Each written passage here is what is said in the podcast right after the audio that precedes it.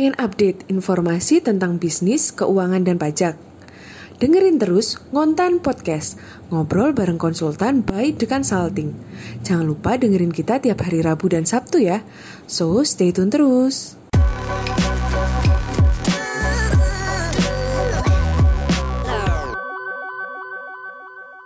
Hai para pebisnis sukses, salam hebat luar biasa. Kembali lagi ketemu dengan saya di Sidarta dari The Consulting Business Consultant. Ya, kita hari ini akan membahas kasus karena hari ini special edition kita akan membahas soal kasus tertentu yang mungkin Anda bisa praktekkan di perusahaan Anda. Kali ini kita akan belajar mengenai tujuh cara sistem pengendalian di Alfamart. Mohon maaf saya cuma pakai contoh kasus di Alfamart ya. Uh, tapi Anda boleh uh, mungkin kali ini kita pakai kasus, kasus dulu di Alfamart. Nanti kita akan cari konten yang lain, mungkin di yang lain di sebelahnya, mungkin di Maret gitu dan sebagainya ya.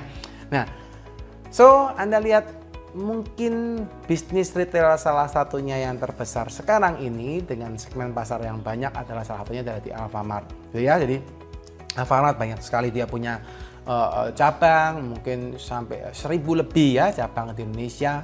Uh, dan di mana-mana selalu kelihatan juga ada Alfamart gitu ya.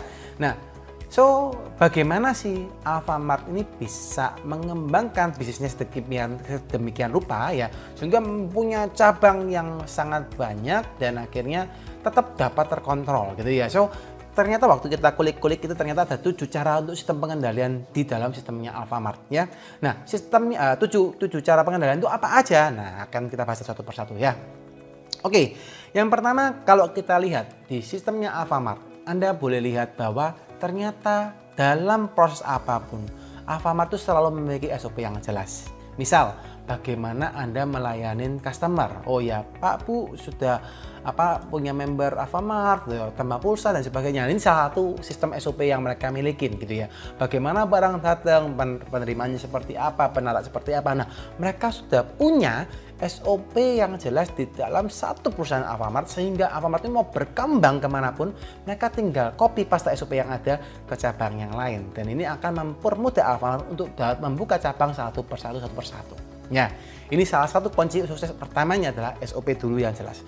Lalu yang kedua, Anda bayangkan ketika kita membuat Alfamart di mana pun berada, kalau tidak ada support daripada key person yang handal dari Alfamart pusat, kira-kira Alfamart yang baru pertama kali dibuka, kira-kira bagaimana caranya? Ya, otomatis kalau pertama kali orang buka nggak ada support dari pusat, otomatis kira-kira ya mungkin buka tapi ya mungkin nggak beraturan, nggak ada training yang jelas juga, mungkin nggak beraturan juga. Nah, so yang kedua yang dilakukan sama Alfamart, mereka punya cara untuk membuat key person mereka selalu handal dan mereka punya uh, punya key person key person yang untuk ditugaskan ke setiap tempat untuk menghandle pembukaan cabang baru. Jadi setelah mereka punya SOP, mereka juga punya orang-orang atau people power yang keren. Jadi waktu orang datang, mereka punya tim baru, maka tim ini akan ditraining dulu. Bagaimana mentrainingnya itu sudah jelas sekali ya. Lalu mereka juga akan support bagaimana setiap pembukaan cabang selalu ada orang-orang yang ditempatkan secara temporary untuk membantu, untuk mengajar dan sebagainya supaya pembukaan cabang baru dapat dilakukan dengan baik. So itu teknik yang kedua yang mereka lakukan. Ya, yang ketiga, bayangkan seluruh aplikasi, eh, seluruh eh, apa namanya otot Alfamart tidak punya aplikasi keuangan. Bayangin, ya, kira-kira untuk pertanggungjawabannya seperti apa, ya? Nah, Hebatnya daripada sistem yang sudah terjadi di dalam Alfamart, mereka sudah punya aplikasi keuangan yang terintegrasi dan mana misal barang datang mereka catat, misal barang itu dijual mereka juga catat. Bagaimana mereka melakukan transaksi setiap hari sudah ada program atau aplikasi keuangan yang mendukung.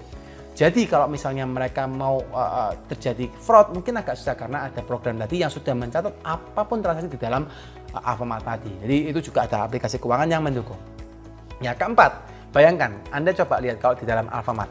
Waktu Anda masuk ke dalam Alfamart, pasti sudah lihat rankingnya sudah baik, numbering nomor kok apa namanya uh, apa uh, eh, SKU-nya sudah ada, barcode-nya sudah jelas, pricing-nya sudah jelas ya.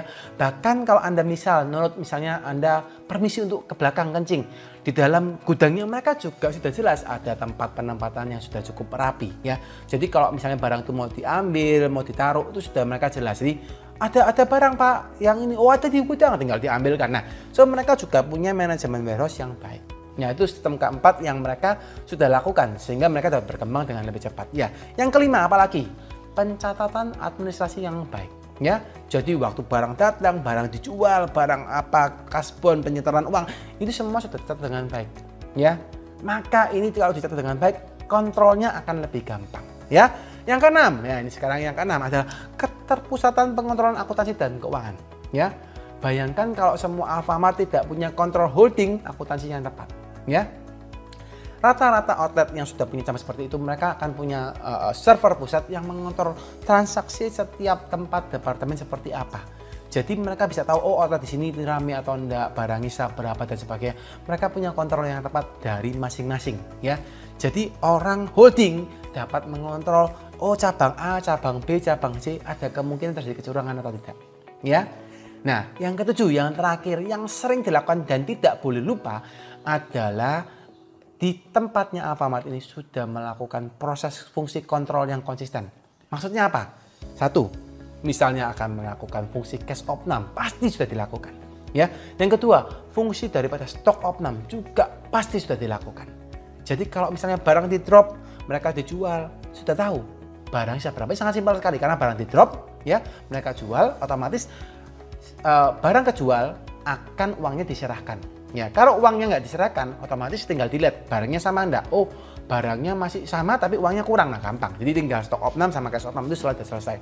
Dan ini fungsi kontrol selalu dilakukan sehingga menyebabkan fungsi-fungsi atau kejadian-kejadian fraud ini mungkin akan jarang terjadi di lapangan. Nah, So, tujuh hal ini juga kalau misalnya Alfamart bisa lakukan, ini bisa juga diduplikasi ke dalam perusahaan Anda. Dan apabila Anda ingin berkembang, tujuh hal ini jangan sampai lupa. Anda harus terapkan di perusahaan Anda supaya dapat berkembang minimal kayak Alfamart. Kan gitu ya. Oke, sekian semoga tujuh tips tadi dapat bermanfaat untuk perusahaan Anda dan dapat mengembangkan terus perusahaan Anda secara bisnis dan keuangan. Dan salam sukses untuk Anda.